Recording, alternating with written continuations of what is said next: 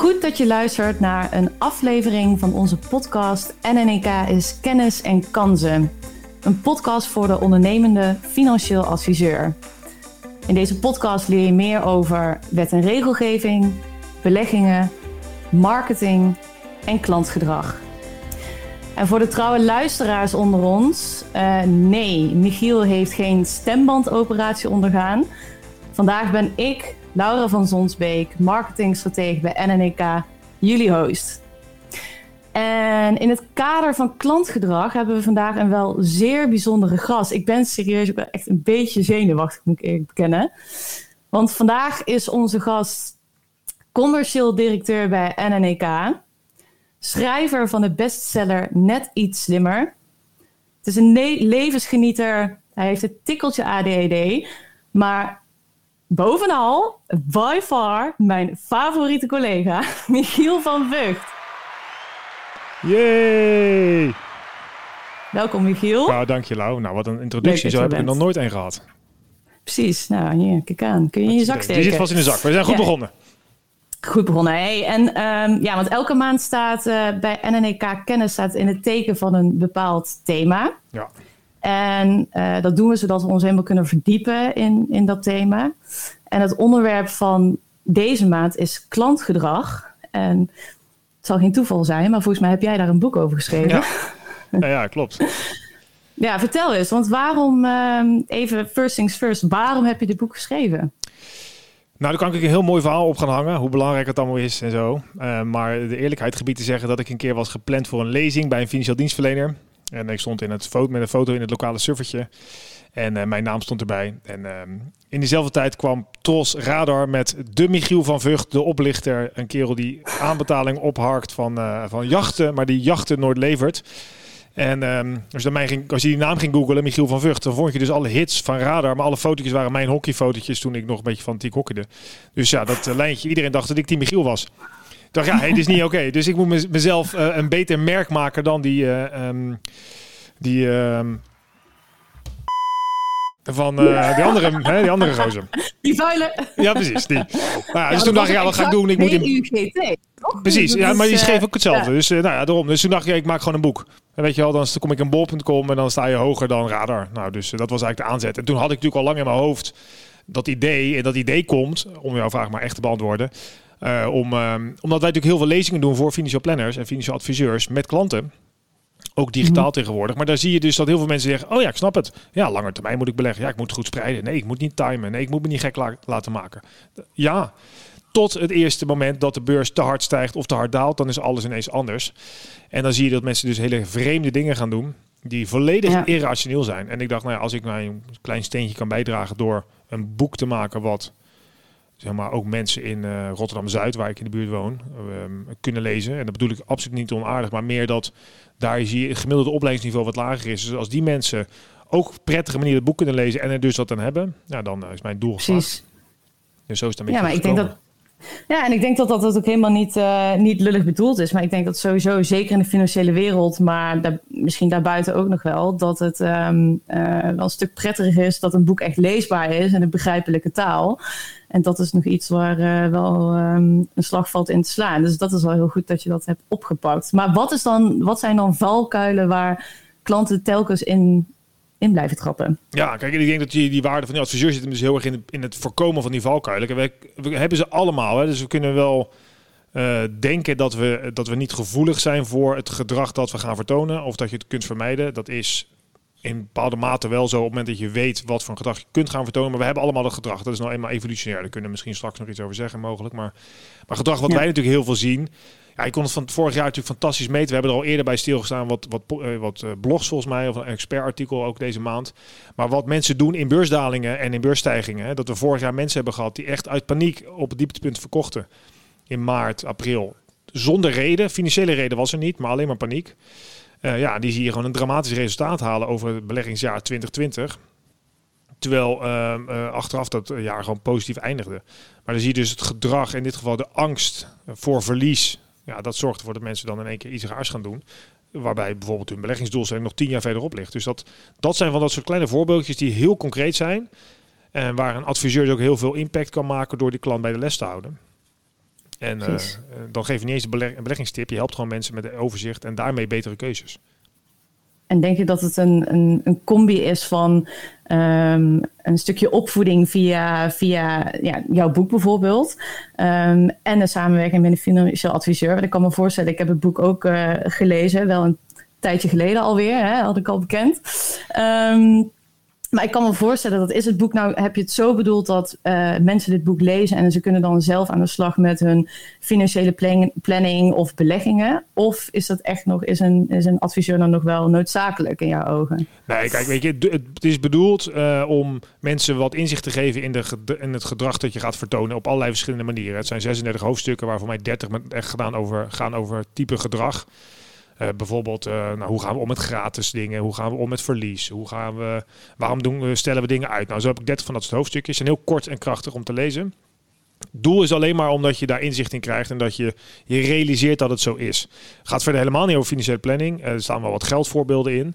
Kijk, de kracht die die adviseur uh, kan hebben door mensen op te leiden op dit gebied, is dat mensen zich realiseren dat ze iemand nodig hebben, een derde persoon, die je even bij de les houdt. En dat hebben we dus allemaal nodig. Het verhaal van het Thaise strand, dat kennen mensen inmiddels ook al van mij als ze me wat vaker gehoord hebben. Maar ik ging zelf ook nat op het Thaise strand, om het verhaal kort te maken. Toen de beurs omlaag ging, ondanks dat het boek al in manuscript af was en ik al jarenlang training gegeven over beleggen, ging ik toch in paniek raken toen uh, mijn vermogen minder werd. En dan had ik ook even een collega nodig in dit geval, die mij even bij de les hield. Ja, dat, en dat is eigenlijk de doel, doelstelling van het boek. Dat je weet van, joh, als er echt op aankomt, moet je even iemand bellen. Uh, en dat is natuurlijk een financieel adviseur in dit geval, die jou helpt met een uh, overzicht, een stukje ratio, waardoor je niet in die valkuilen stapt. Ja. Ja, heel mooi. En, en, en toen je het boek ging uh, ontwikkelen, toen heb je, je hebt heel veel onderzoek gedaan natuurlijk en onderzoeken gelezen. En kun je nog herinneren een, een, bepaald onderzoek of inzicht waar je zelf heel veel aan hebt gehad? Waarvan je nog dacht, want je zit natuurlijk al heel lang in het vak. Je hebt ontelbaar veel lezingen gegeven. Dus ik kan me voorstellen dat um, ja, de psyche van de mensen, dat heb je al aardig om de knie. Maar was je nog ergens door verrast? Nou, weet je wat, wat mij altijd echt on, enorm integreert? En dan heb ik het gewoon uh, moet ik eigenlijk zeggen. Uh, en dat is ook gewoon in mijn dagelijks leven met mijn gezin bijvoorbeeld. Het, het feit hoe, wat vergelijken doet met mensen. Ja, dat is in de beleggingswereld niet anders. Hè. Daar vergelijken we resultaat. Dus als ik 8% heb en jij 9, dan ben ik teleurgesteld. Uh, en dat zorgt ervoor dat ik meer risico ga nemen of niet tevreden ben over de partij die mij 8% heeft gegeven. Dan noem het maar op. Um, maar dat vergelijken is echt dodelijk, want dat heeft helemaal niks meer te maken met je eigen situatie. Hè? Als jij 8, 9% eh, haalt, dan heb je meer risico genomen. Misschien heb je het wel nodig om je doelstelling te halen. En uh, nou, boeien dat jij dan 9 en ik 8 heb. Ik moet naar mezelf kijken. Dus het inzicht dat je moet stoppen met vergelijken. Het boeit totaal niet wat alle andere mensen in de wereld doen. Want dat, die zijn jou niet. Die zijn jouw gezinnetje en je huishouden niet. Ja, dat, dat probeer ik ook hier thuis in te rammen. Dat doe ik zelf, samen met Merel. Ik denk er wel hetzelfde in. Weet je, wees gewoon blij als iemand een fantastisch iets heeft. Dat is toch mooi voor diegene. En wees verdrietig uh, of leef mee als iemand het zwaar heeft. Maar trek het jezelf niet aan. En word ook niet verdrietig als iemand meer heeft dan jou. Je hebt toch geen invloed op, weet je wel. Wees gewoon blij. En, en weet vooral voor waar het zelf voor doet. Kies je eigen plan. En dat is echt een groot inzicht als je dat kan toepassen. Dat lukt natuurlijk niet altijd. Tuurlijk, nee. Maar als je er al bewust van bent en uh, je hebt iemand waar je. Um, um, hoe noem je dat ook alweer met Merel? Die was een accountability coach. Ja, precies. Ja. Um, ja. En als je elkaar accountable kan houden daarin. En uh, dan wordt het iets wat uh, van het bewustzijn naar het onbewust gaat. En, nou, dat is zo grappig. Ja, Merel die, die coacht die ondernemers. En die ziet dan ook, dat is dan krijg je dus heel vaak, ja, maar die doet zus en die doet het zo. Ja, ho, even terug naar jezelf. Waarom wil je dat eigenlijk zelf Precies. doen? En dan die spiegel voorhouden. Ja, dat is heel belangrijk. En ik, eh, ik heb, dat, dat geldt dus ook in de beleggingswereld, in het gedrag van ja, mensen gaan in een keer allemaal massaal achter de bitcoin aanlopen. Waarom? Omdat ze heel veel rendement horen bij andere mensen. En dan gaan ze zichzelf vergelijken. Want ik heb niks op mijn spaarrekening of mijn beleggingen doen het niet goed. Dus het wordt vergeleken en daarmee gaan ze keuzes maken. En waarom moet je 20% halen? Uh, en waar je ook weer 20% gaat verliezen of, of meer. Als je, dat is echt onzin. Dus het is, vergelijken is echt verschrikkelijk. Daar moet je uh, allemaal mee stoppen. En dat brengt je sowieso veel meer rust. Ja, en ik denk dat dat ook wel een heel. Want als we het gaan hebben over waarom is dit stukje klantgedrag nou zo belangrijk, ook voor financieel adviseurs, hè, wat, wat toch de luisteraars zijn van deze podcast. Ja. Waarom is het nou belangrijk dat zij dat gedrag van hun klant nou begrijpen. Dat is wat je nou net schetst in een, in een gesprek. Dat je heel duidelijk kan laten zien van ja, maar dit is nou jouw plan. Dit is jouw overzicht, jouw leven. Ehm, en nou, we hebben dit nodig om een lekker leven te leiden of uh, dat je misschien wat minder kunt gaan werken. En ik, ik, toevallig had jij gisteren nog een gesprek met een, uh, met een financieel adviseur. Um, en uh, daar zei nog wel iets interessants, want hij had een gesprek gehad met klanten en, en hij had bedacht van, hij hoorde bij elk klantgesprek maar we doen er geen gekke dingen. Hmm. Maar wat is in jouw ogen nou, wat zijn geen gekke dingen? Dat is natuurlijk voor iedereen weer anders. Ja, ja zeker. Is wel weer een interessante invalshoek. Ja, kijk, dus dat, ik denk dat die rol van die financieel adviseur, die. Uh, kijk, er wordt steeds meer informatie is natuurlijk overal beschikbaar. Ik bedoel, als jij een hypotheek gaat afsluiten, wat je recent gedaan hebt, dan kan je op internet alles uitzoeken en alle vormen, alles kun je vinden. Maar ja, dan heb je zoveel informatie, ga je twijfelen. Dus enerzijds wordt die rol van die adviseur veel meer jouw context geven voor jouw situatie, om eigenlijk gewoon een soort van uh, licht in de duisternis uh, van alle informatie. Maar tegelijkertijd ook om te helpen dat jij de juiste beslissingen neemt die van jou van toepassing zijn. Dus het wordt veel zachter dan vroeger. Want vroeger was het gewoon, ja, wat is de laagste rente of de beste uh, verzekeringsvoorwaarden. Dus ging het echt veel meer over de ratio. Maar je ziet dat nu de, ehm, zeg maar de, de alfa, hè, zeg maar de vroegere alfa, de mensen die wat ouder zijn, die hadden een alfa-stroming op school. Dat was, er waren talen en de zachte kant en de psychologie bijna. En de beta-kant was het natuurkunde en scheikunde. Nou, het wordt veel meer die alfa-kant. En dan moet je dus die, die, dat gedrag van mensen snappen. Dus als iemand vraagt, ja, maar wij doen geen gekke dingen. Ja, daar zit daar en dat is eigenlijk een, zit een heleboel vragen achter. Want waarom vragen mensen dat? Die willen eigenlijk bevestiging dat ze inderdaad geen gekke dingen doen. En ze weten eigenlijk niet wat dat dan is. En of dat dan misschien te groot is wat ze doen of te klein. Of, uh, nou, dus ze zoeken heel veel bevestiging. Dus die rol van de adviseur als het gaat om klantgedrag is en opleiden. Dus mensen helpen uh, van joh, je gaat gewoon dingen doen die een beetje raar gaan uh, zijn en niet slim voor je toekomst. Realiseer je en kom dan bij mij. en dan ook die rol oppakken als adviseur. Want dan, dan kan je dus mensen echt helpen met financiële rust. Ja, precies. En dat hebben we natuurlijk al gezien tijdens die coronacrisis. En vandaar dus die, dat verschil tussen de Piet Paniek en ja, wat was het? Uh, Annelie, uh, weet ik veel, adviseur of zo. Nou, dat is wel grappig, hè? Die, die, dus die ene, de, we noemen Piet Paniek, die zit op min 20. Nee, min 10. En die heeft dus die adviseur gebypast. Die heeft uit paniek in één keer verkocht. zonder adviseur te overleggen. En die wilde ook niet met die adviseur. En die, die dame, dat was inderdaad wel een dame. Maar we noemen de Anneloes adviseur of zo, weet ik veel.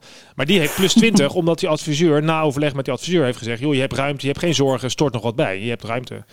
Ja, dat levert extra rendement op. Dus dat is, en dat was dus helemaal geen beleggingsbeslissing. Hè. Dat was alleen maar een beslissing op basis van, nou ja, waar sta je en wat, wat voelt goed voor je. En het zou slim kunnen zijn. Dus die ratio wordt naar de emotie gebracht en andersom. Ja, en dat is natuurlijk en heel leuk werk, denk ik, want het is veel menselijker. Precies. Um, en het is ook waardevol. En denk je, en als je zo naar je boek kijkt, zijn er dan nog uh, meerdere onderdelen um, domme beslissingen die vaak gemaakt worden waar een, adviseur veel aan heeft. Als je met een klant aan de slag gaat. Nou, wat ik ook wel mooi vind. Heel lang heeft een, uh, de keeper van Jong Oranje tegenover mij gewoond. Van het voetbalteam. En ik heb wel eens met hem over gehad. Hè, wat doen we nou met de penalty shootouts? Hè? Dus hij op het EK staat te keeper. En weet je, binnenkort komt er ook weer een EK voetbal aan voor het, voor het grote team, zeg maar. Maar goed, er komt zo'n serie van vijf om vijf. En als het gelijk spel is. En wat doet die keeper meestal? Die duikt altijd naar een hoek. Die kijkt wat die speler vaak gaat doen. En die duikt naar die hoek. Onderzoek wijst uit dat 94% van de, uh, van de gevallen duikt een keeper een hoek in. Terwijl een derde van de penalties gaat door het midden. Dus het zou veel slimmer zijn om gewoon te blijven staan. Want dan weet je, joh, heb ik uh, op de drie pingels houd ik. Maar dat doet geen enkele keeper. En dat is wel te verklaren uit onze, um, ja, uit zeg maar, een beetje psychologie zou je kunnen zeggen. Want als wij niks doen, uh, ja, dat, dat, dat, is niet goed voor ons. Wij moesten vroeger besjes verzamelen, opletten op uh, leeuwen, in beweging blijven, hout sprokkelen, uh, schieten. Dus we waren continu bezig om te overleven. En dat gedrag, dus dat we heel veel moeten doen, zit nog in sommige aspecten nog steeds in ons leven. En ook bij de keeper. Die keeper moet blijven staan. Hetzelfde geldt voor die belegger. Die moet ook niet bewegen. Heel de tijd aan zijn beleggingen zitten, veranderen. Dus je zult zien dat mensen in onrustige tijden gaan bellen met je, met jou als adviseur en zeggen: joh, wat moet ik nou doen? Nou, niks. Op je handen zitten. Hè? Stilzitten als je geschoren wordt. Weet je, dat verhaal. Ja, en dus, maar met dat soort voorbeelden die ik nu geef van zo'n keeper... dat zorgt ook wel voor dat mensen het gaan snappen. Want als ja, je gewoon zegt, ja, je moet niks doen... veel beter. Ja, precies. Ja. Gebruik er een voorbeeld bij. Uh, maak het daarmee uh, een soort levend. Oh ja, dat herken ik wel, ja, inderdaad. Dat precies. dat zo gebeurt. En dan, dan kun je dus veel makkelijker zo'n koppeling maken naar je eigen situatie. Ja, ja, dat is eigenlijk wel heel cool. En daar kunnen we misschien ook nog wel eens een podcast uh, over maken. Maar dan... dan link je het ook aan een stukje storytelling. En ik weet dat het is een vrij populaire term tegenwoordig. Je wordt er helemaal mee, mee doodgegooid.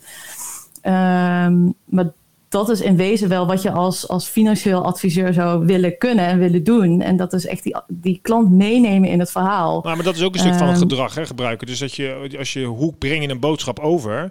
Nou, ja. zeg maar, ons, wij zijn als in de overlevering werden, zijn wij opgegroeid door verhalen. Hè. Dat hadden we natuurlijk. Uh, weet ik, dat, je zat om het kampvuur, flauw gezegd, en dan werd er een verhaal verteld. En dan leerde je waar je moest zijn voor het water, weet je wel om water te halen. Dus dat kwam al met verhalen kwam dat. En dus daar zijn wij heel gevoelig voor als mensen. Dus ook om een boodschap over te brengen kun je zeggen... je moet er niet aan je belegging zitten, punt. Of je geeft een voorbeeld à la de keeper... waardoor je het gaat snappen. En ik, oh ja, herken ik wel. Oh, grappig, dom eigenlijk van de keeper. Hé, hey, maar dat doe ik dus ook. Uh, dus op die manier kun je natuurlijk uh, verhalen inzetten. En dat is ook wel aardig. Je vroeg er nog een, ik schiet er nog één te binnen. Wat een hele mooie kan zijn voor adviseurs... om mensen meer betrokken te houden bij hun plan... is uh, te doen wat IKEA doet... En dat is zeg maar het, eh, het, het, het, zeg maar meer eigenaarschap creëren bij je klanten als het gaat om het oh, advies. ik dacht Zweedse balletjes serveren, maar nee, prima. Dat, dat mag ook hoor, precies. Hele goedkope en uh, van die vegetarische hotdogjes en uh, wasborstels verkopen bij de kassa. dat mag ook, dat mag zeker. Ehm, maar kijk, waarom heeft, is iedereen trots op zijn IKEA-kast? Om, weet je dat? Weet je denk wel. Maar als je een IKEA-kast haalt, kun je nieuw huis ja, in elkaar zelf in elkaar gezet natuurlijk. Precies, je hebt mezelf in elkaar gezet. Je hebt moeite gedaan, je hebt erover nagedacht, je hebt een beetje wel op en toen er stond hij. Maar het gevolg is dat je dus heel trots bent op je IKEA-kast. Eigenlijk trotser dan als er een kast in elkaar gezet wordt voor je. Dus dat komt dan, dan wordt er iets van jou. Nou, en dat effect kun je ook doen bij een financieel advies. Waarbij mensen zeggen, joh, oké, dit is advies. Hoe gaan we zorgen dat je je houdt aan dit advies? Of ten eerste, sta je überhaupt wel achter? Ja, ik sta erachter. Hoe gaan we hier zorgen dat dit uitkomt? Dat je je houdt aan de afspraken? Schrijf het zelf eens op beste Laura, nou dan ga jij het opschrijven. Dan zet je voor de echtje ook nog je handtekening eronder. Dan krijg je het gevoel dat jij de betrokkenheid bij hebt gekregen. Je hebt zelf wat gerangschikt, prioriteiten gesteld. Je hebt een mentaal contract met jezelf gesloten. Dus aan de ene kant word je meer eigenaar van het advies. Aan de andere kant krijg je ook nog eens een mentaal contract, waardoor je graag, je wil graag congruent zijn als mens. Je wil niet te veel wapperen. Ja, en dan zorg je ervoor dat je het veel makkelijker aan je advies kunt houden. Dus al dat soort inzichten helpen om mensen verder te krijgen. Ja, ja, heel cool. Hey, en als ik, want als ik jou zo aanhoor, dan het, het, het heeft wel echt te maken met bepaalde soft skills, inderdaad. Dus het gaat veel meer. Um, je moet wel echt een beetje een mensenmens zijn voor het werk, steeds meer. Dus je ziet wel echt een switch in die wereld. Um, Gelukkig wel, ja. Wat, ja, en wat denk je? Ja, gaan adviseurs het allemaal wel overleven? Is het, is het, moet, er niet, moet je dan niet op een punt beseffen, besluiten van... hoe is het allemaal wel aan mij besteed... en moet ik niet uh, uh, eerder naar cijfers kijken... en iemand anders aan die gesprekken laten doen? Zeker. Sowieso slim, hè? De, misschien was een aflevering over gemaakt trouwens. Eh, maar de, de paraplanner aan zich is ook heel belangrijk. Ik denk dat er nog steeds heel veel complexe zaken zijn die ook in de toekomst moeilijk te automatiseren zijn, omdat het gewoon heel persoonlijk is. En dat advies niet per definitie één ik poep wat uit als computer en dat is het, het, advies. Er zitten ook allerlei denkrichtingen in. Maar je hebt natuurlijk wel echt een verschil steeds meer tussen de, nou, de alfa en de beta. Hè. De beta mensen die heel goed zijn met cijfers, die echt goede verbanden kunnen leggen. Uh, maar die zijn eh, soms minder geïnteresseerd in het gesprek met de klant, onaardig gezegd. Maar andersom zijn die alfa mensen misschien heel goed in het gesprek, maar die zijn wat on onzorgvuldiger en wat sneller. Nou, die twee combineren is fantastisch. Dus als je mensen binnen hebt die het leuk vinden om plannen te maken en mensen buiten hebt uh, die graag met klanten praten, ja, ideaal. Um, dus uh, dat is zeker iets wat je wat zou kunnen overwegen als je daar de ruimte voor hebt als, als dienstverlener.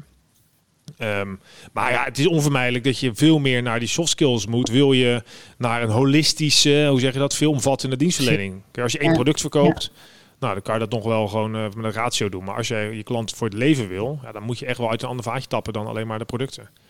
Ja, helemaal mee eens. Helemaal mee eens. Maar zie je wel, zie je wel een, een um Zie je daarin wel veranderingen in de afgelopen jaren? Want je loopt al, al lang rond bij NNEK. En um, uh, dat voorbeeld van die beursdip tijdens de coronasituatie, of het begin van de coronasituatie mm. in maart.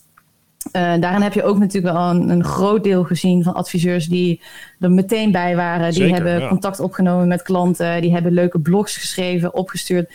Um, en is het iets, zie je dit wel groeien? Zijn adviseurs wel absoluut. Het gaat, meer betrokken? Ja, Ik bedoel, er is echt een enorm steile leercurve geweest in een adviesland de laatste tien jaar. Als je de crisis neemt van 2007, 2008, hè, maar ja, ja, 12, 13 geleden. Ja, toen hoorde, hoorde je, flauw gezegd, als klant helemaal niks van, uh, van iemand in de financiële dienstverlening.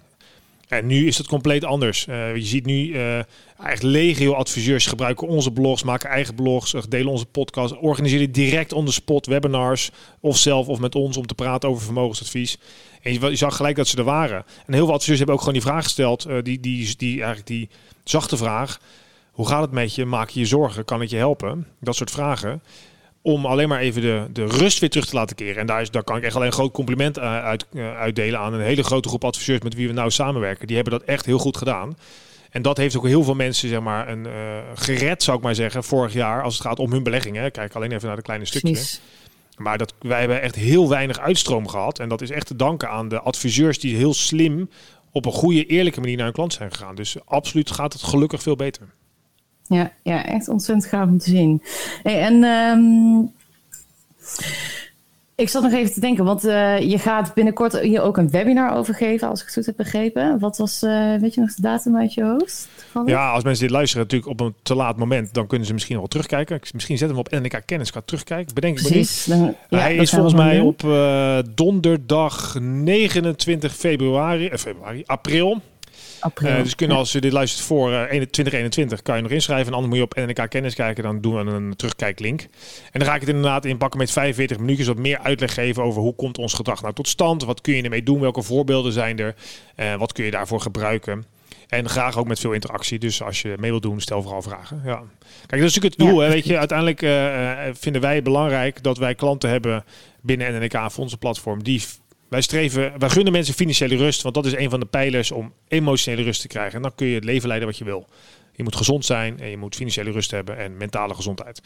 Nou, en financiële onrust is een enorm groot eh, aspect in Nederland. Dus als je dat weg kunt halen, uh, door onder andere goed met je klant te communiceren op de juiste manier, met de juiste inzicht ook op het gedrag, ja, dan is dat super waardevol. Dus vandaar dat we het graag ook op een webinar doen. Ja. Precies, komt dat zien en meld je aan. En die 20 minuten gaan uh, ontzettend snel. Zeker. dat is echt jammer. Ik zou hier nog wel heel lang over door kunnen praten. Nou, als mensen het um, leuk vinden, moeten ze zich melden bij jou. En dan kunnen we misschien het tweede doen. Ja, precies. Ja, dat lijkt me eigenlijk wel heel mooi. Want er valt nog veel meer over te vertellen. En ik zou eigenlijk nog wel als laatste vraag willen stellen. Zie je ergens nog wel Zie je misschien nog ergens een kans liggen die, of die nu te vaak uh, door adviseurs um, uh, niet opgepakt wordt? In het kader van klantgedrag? Nou, weet je wat wij heel lastig vinden als mensen is nadenken over de lange termijn. En we kunnen ons, als ik jouw vraag zie, denk je leven is in over tien jaar. Nou, dan kun je iets doen, maar dat is eigenlijk hetzelfde als mijn leven nu indenken. Met andere woorden, je gebruikt een deel van je hersenen waarbij je eigenlijk een soort fantasie gebruikt. En dat voel je dus niet. Dus op het moment dat ik nu tegen jou zeg welke stoel zit je, hoe voel je, kun je direct voelen. Maar over tien jaar jezelf inleven is heel lastig. Nou, dat is een van de redenen dat we het lastig vinden om beslissingen te nemen voor de lange termijn en daarover na te denken. Uh, en dus doen mensen veel te weinig voor hun pensioen bijvoorbeeld. Dus als adviseur is het ook goed om daar eens over na te denken. Om mensen echt heel nadrukkelijk te vragen naar hun toekomst, zich te laten inleven, hoe moeilijk dat ook is.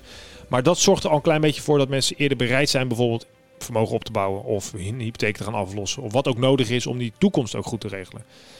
Um, dus ja, dat, dat maakt het wel lastig, maar daar moeten we nog wel echt met z'n allen even aan de gang. Vind je een heel mooi punt. Nou, dan wil ik nog even ter afsluiting uh, nog iets meegeven aan de luisteraars. Want wil je echt professionaliteit uitstralen en gezien worden als expert en je klantenbinding versterken, dan kun je het boek van Michiel Net iets slimmer kun je ook bestellen in je eigen huisstijl. Dus hoe gaaf? Dan heb je gewoon een heel mooi cadeau. Uh, en je kunt 50 stuks bestellen voor 697 euro. En niet te vergeten, 83 cent via zijn website www.michielvanvugt.com als ik het goed heb. Nou, dat is volgens mij nog geen 15 euro per stuk. Dus dat is een hartstikke mooie gift voor, uh, voor je klanten. En uh, dat zorgt dat ze net iets slimmere keuzes maken. Uh, Michiel, ontzettend bedankt voor, voor je tijd en je nuttige informatie. Veel te kort, 20 minuten. Bedankt dat ik er mocht zijn. Rest mij nog, ja, leuk dat je er was. Uh, de rest mij nog te zeggen dat we volgende maand hebben natuurlijk weer een ander thema. En de maand mei staat in het teken van mei de maand. En dan gaan we hebben een podcastaflevering met drie zeer succesvolle financieel adviseurs. Dus um, houd NNK kennis in de gaten. En dan zien we jullie en horen jullie volgende maand.